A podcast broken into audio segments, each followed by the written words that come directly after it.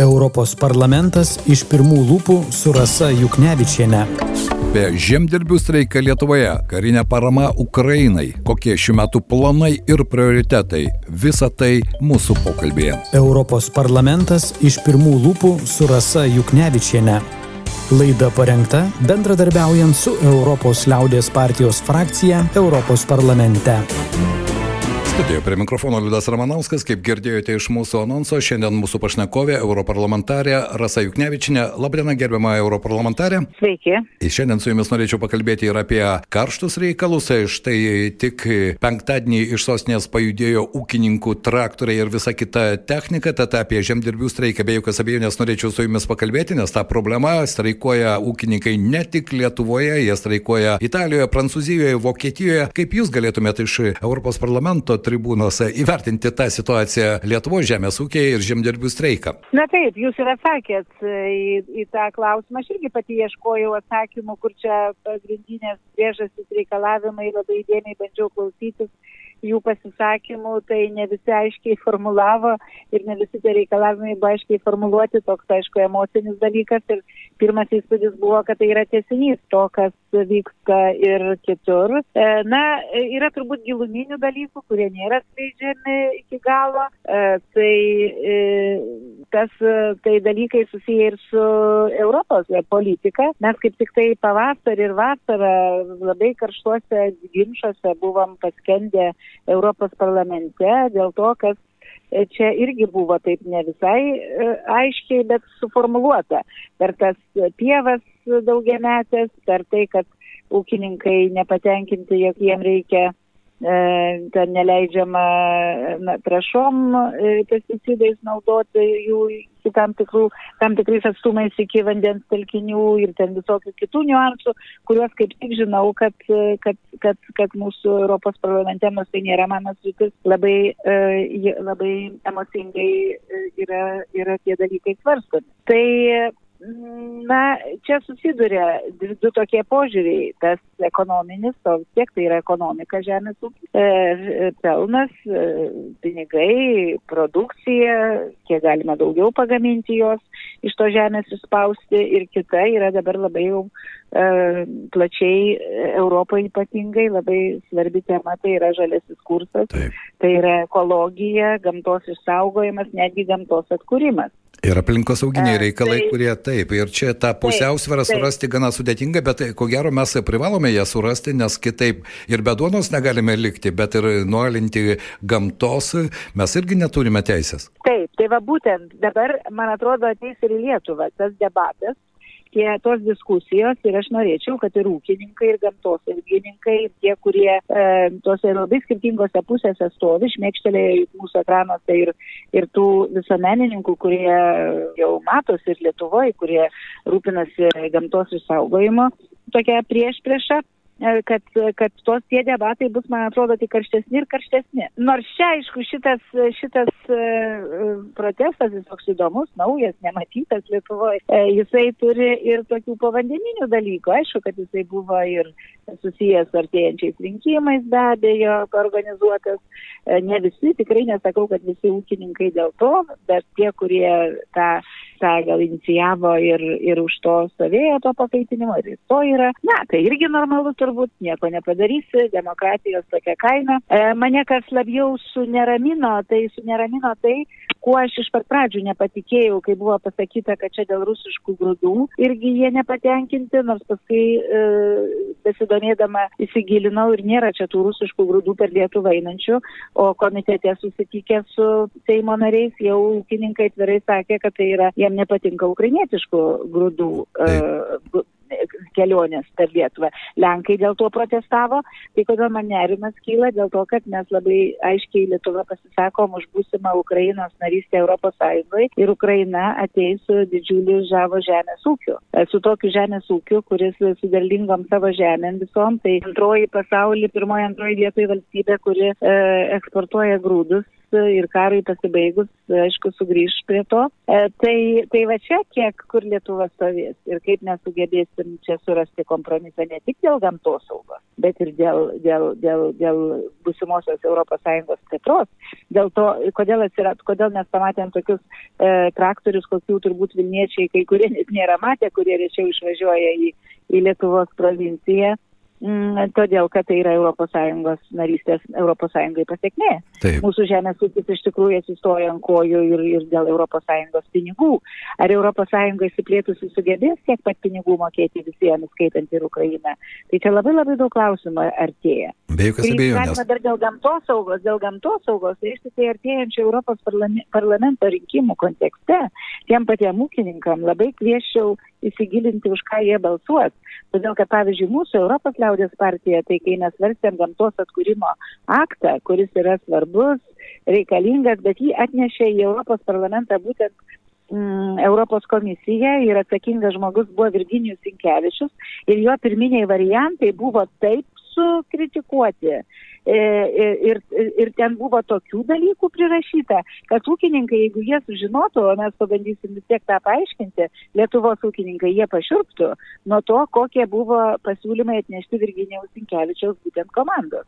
Tai pavyzdžiui, atkurti ten 30 procentų pelkių e, e, valstybėse narėse, e, na ir daug kitų dalykų. Lietuvai gal dar, dar nėra taip baisiai aktualu kaip kokiai nors Olandijai ar kitiem, kur viskas jau suarta, bet tai irgi e, būtų dar, dar, jeigu jie jau dabar piktinasi dėl tų pievų, pievų tai, tai, tai šitas, šitas aktas, kuris beje dar yra svarstomas, bet trilogai vyksta tik tai dar jisai nepabaigtas, tai jeigu jisai būtų buvęs toks, kokį atnešė Virginijus Sinkevičius ir kairieji, žalieji ir kiti, rėmė tokį būtent e, gamtos atkūrimo e, paketą visą.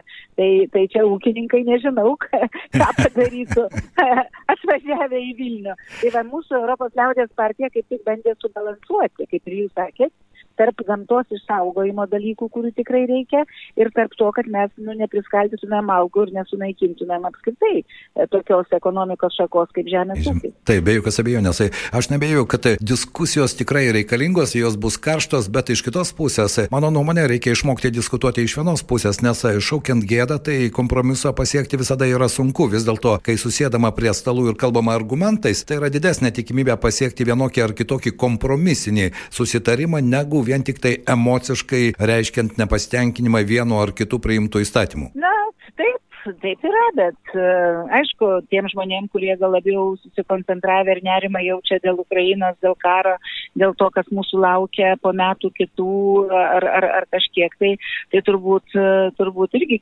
girdėjau keliant klausimus, ar, ar, ar iš tikrųjų dabar uh, galima taip bandyti taip, taip emocingai susipriešinti tokiu sudėtingu metu. Um, tai toks dežavų gal netgi yra ir kaip tik prieš antrą pasaulinį karą, prieš Lietuvos okupaciją buvo labai aštrus suvalkyjos ūkininkų protestai anoj Lietuvoje. Na tai aš nenoriu kokių nors istorinių paralelių tai. dėlioti, bet, bet jūsų klausimas tiesiog nu, reikalauja tokio atsakymo, kad vis tiek ribų peržengti nereikia. Ir čia tokia neapykantos uh, parodymas jisai tikrai niekur netveda. Bet tai yra tema, kur be pykantos iš abiejų pusių neįmanoma. Aš kalbu apie karą Ukrainoje ir vis dėlto karinę paramą Ukrainai. Ir nebejoju, kad štai ir jūs parlamento plenarinėje sesijoje diskusijoje dalyvavote. Kokia dabar situacija, nes iš tikrųjų jau du metai, štai vasario 24-ąją du metai ir tos karinės paramos ir ne tik karinės, finansinės paramos Ukrainai reikia ne ką mažiau negu prieš metus laiko. Kaip jūs galėtumėte vertinti dabartinę situaciją, nes neiškumų yra kur kas daugiau negu aiškumų tame tarpe kalbant ir apie ES pažadėtą 50 milijardų paramos paketą. Na, tai ne tik ES ir Junktinės Amerikos valstijos vienas svarbiausių vaidmenų vaidina ir ten užstrygę dalykai. Tai taip mes dabar išgyvenam šitame kare tokį sudėtingą laikotarpį, duobę, tokį nuopolį, sakyčiau, arba tam etapą, galbūt, jeigu taip nedramatizuojant padėties, tam tikrą etapą, kur reikia labai rimtai peržiūrėti mūsų taktiką, strategiją ir, ir požiūrį į šitą karą apskritai. Tai aš manau, kad dabar tai vyksta. E, iš kitos pusės e, nepasiduokim irgi tokiom, e, tokiom nuotaikom, kad jau čia Europa nieko nepadarė ir, ir jau nieko nebe e, kalta dėl to, tai kaip tik atvirkščiai, jeigu ne Europos parama, jeigu ne Junktinė Amerikos valstybių ir kitų valstybių parama, tai šiandien Ukrainos apskritai nebebūtų. Bet kad dabar reikia daugiau ir žymiai daugiau, tai be abejo, e, čia mes e, yra, yra paskaičiuota, kad per metus ES nors ir skiria e, Ukrainai daug paramos, bet e, bendrai visų valstybių parama plus e, pačios ES lėšų e, parama e, yra tik tai 0,075 procento nuo bendro vidaus produkto. Aišku, tai dideli pinigai, bet tikrai tai nėra tiek pakankamai, kad turtingos šalis, apskritai mes, turtingieji vakarai, galėtumėm e, padėti, nes tai yra mūsų egzistencinis karas. Taip. E, tai, tai, tai va čia reikia dabar toks vyksta permastymas. Kitas dalykas, akivaizdu, čia nėra ko slėpti, tai jau vieša informacija ir visi apie tai kalba. ES valstybės dauguma jų atidavė beveik viską, ką turėjo sukaupusios e, to, tos karinės paramos ir tiesiog reikia užkurti pramonę gynybos. Taip. E, tiesiog nėra, ES neturi e, jau pagaminusi to, kiek reikia artilerijos, kiek reikia amunicijos, kiek reikia sunaik... kasdiengi ta technika yra ir sunaikinama šitame kare ir reikia vis papildomai. Ir dar kitą skaičių galiu pasakyti, kad oficialiai vien tik oficialiai Rusijos išlaidos e, šitam, šitame kare yra jau virš šimto milijardų dolerių. Kai tuo tarpu Ukraina kartu su savo partneriais vakarų išleido mažiau šitam karui, o o, o, o galimybės ekonominės vakarų ir Rusijos yra nesulyginamos, taigi nesulyginamai turtingesnės valstybės. Tai čia yra keletas priežasčių. Viena iš priežasčių yra ta, kad, aišku, per daug tikėjos ir galvojo, kad po Hersono ir, ir, ir, ir e, Harkovo išlaisvinimo, kad čia bus lengviau, bet e, Rusija susimobilizavo. Bet dabar ilgesniai perspektyvai, tai akivaizdu, reikia tik tai politinės valios ir susi, susikaupti ir su, sudėlioti prioritetus ir, ir mes tikrai privalom laimėti šitą karą, kitaip gali būti labai liūdnos pasiekmes. Tai karas karu, bet iš kitos pusės tai yra ir toks galbūt daugiau filosofinio pabudžio klausimas, ar demokratijos pajėgios ap, apginti, priimti reikalingus sprendimus, nes vyksta ne vien tik tai karas Ukrainos frontuose, jis vyksta visame pasaulyje pačiomis įvairiausiomis formomis ir mano nuomonė tas egzistencinis klausimas apskritai demokratija jis na labai aštrus dabar yra. Esminis klausimas jūsų. Čia esminis klausimas, kuris man labiausiai neduoda ramybės. Ir Putinas turbūt būtent taip ir skaičiuoja. Jisai mano, kad demokratinė valdymo forma yra silpna, e, neturi ateities e, ir, ir tuo naudojasi ir bando išlaukti. Jis galvoja, kad žmonės greitai pavarksta, atsiranda demokratijose iš karto tokių uh, politikų, populistų, kurie ateis ir pasakys žmonėm, kad žiūrėkit, aš karą užbaigsiu, arba tokių kaip yra pas mus ir Europos parlamente, tiesa jų nedauguma, jie čia iš tokie kraštutiniai, bet irgi sako, taikos reikia rytoj, nustokim remti Ukrainą ir bus taika, ir vėl gyvensim kaip gyvenę. Tai tokių jau yra ir išrinkta, ir Slovakijoje vat, premjeras panašus Taip. išrinktas, Orbano pozicija tokia pat, ir kas čia žino, šiemet 70 maždaug šalių, e, šaly, 70 šalių bus rinkimai e, ir kokia, kok, kok, kaip pasikeis demokratijos šal, vaizdas, politinis, politinės kraštovaizdis demokratinėse valstybėse. Tai va čia yra klausimas, ar demokratijos apskritai gali atlaikyti tokius smūgius. Ir mano, yra išbandymas. Taip, ir mano nuomonė. Ir, ne... ir mums Lietuvai taip pat beje. Aš čia sieju ir su va, šituo mitingu, ar, kadangi praslydo jau tas Ukrainos grūdų klausimas, kiek Lietuvoje mes esam e, pasiryžę e, nuo savęs nu, nu, nuimti e, tam tikrų pelnų, tam tikrų pajamų, e, susispausti, kad mes galėtumėm ne tik tai, kad Ukrainai dar daugiau padėti, bet ir savo gynybą E, perorganizuoti taip, kad mes būtumėm pasiruošę. Juk ir apie tai šiandien klausimas yra. Tai aš e, vat, e, ir, ir keliu tą klausimą, kaip dabar, nesvarbu kokia čia vyriausybė, ar šita, ar kita bus, ar dar kokios vyriausybės, visiems reikės tos klausimus spręsti. Ir man šitam šitam mitingi, tuose demonstracijose man tas klausimas skausmingas kilo. Ar žmonės, ar mes visi suvokiam, kad mes gyvenam visai kitokiam pasauliu, karo sąlygomis ir, ir Europoje taip pat, ten dar labiau turbūt negu Lietuvoje mažiau suvokiama, kad, kad nesiras pinigų kažkur tai e, nupieštų ir reikės kažko atsisakyti.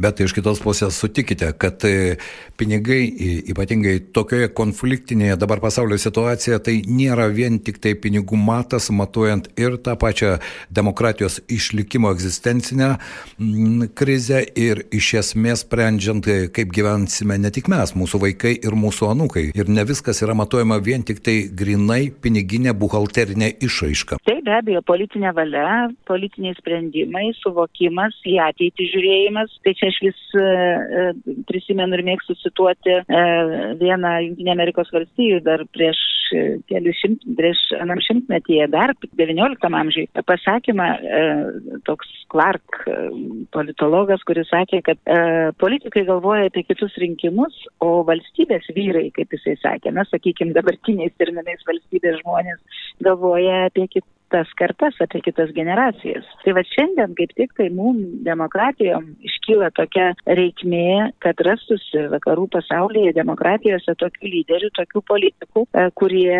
sugebėtų pasižiūrėti toliau negu artėjantis rinkimai. Taip, apie rinkimus, ko gero mes dar turėsime progą pakalbėti. Šiandien noriu padėkoti. Mūsų pašnekovė buvo europarlamentarė Rasa Juknevičinė, beje, sveikinu su gimtadieniu. Ačiū. ir e, tikiuosi, kad iš tikrųjų jūsų išsakytos mintys jos bus įdomios ir mūsų klausytojams. Ačiū, kad suradote laiko. Geros dienos Jums. Ačiū, sudėviu. Europos parlamentas iš pirmų lūpų su Rasa Juknevičiene. Laida parengta bendradarbiaujant su Europos liaudės partijos frakcija Europos parlamente.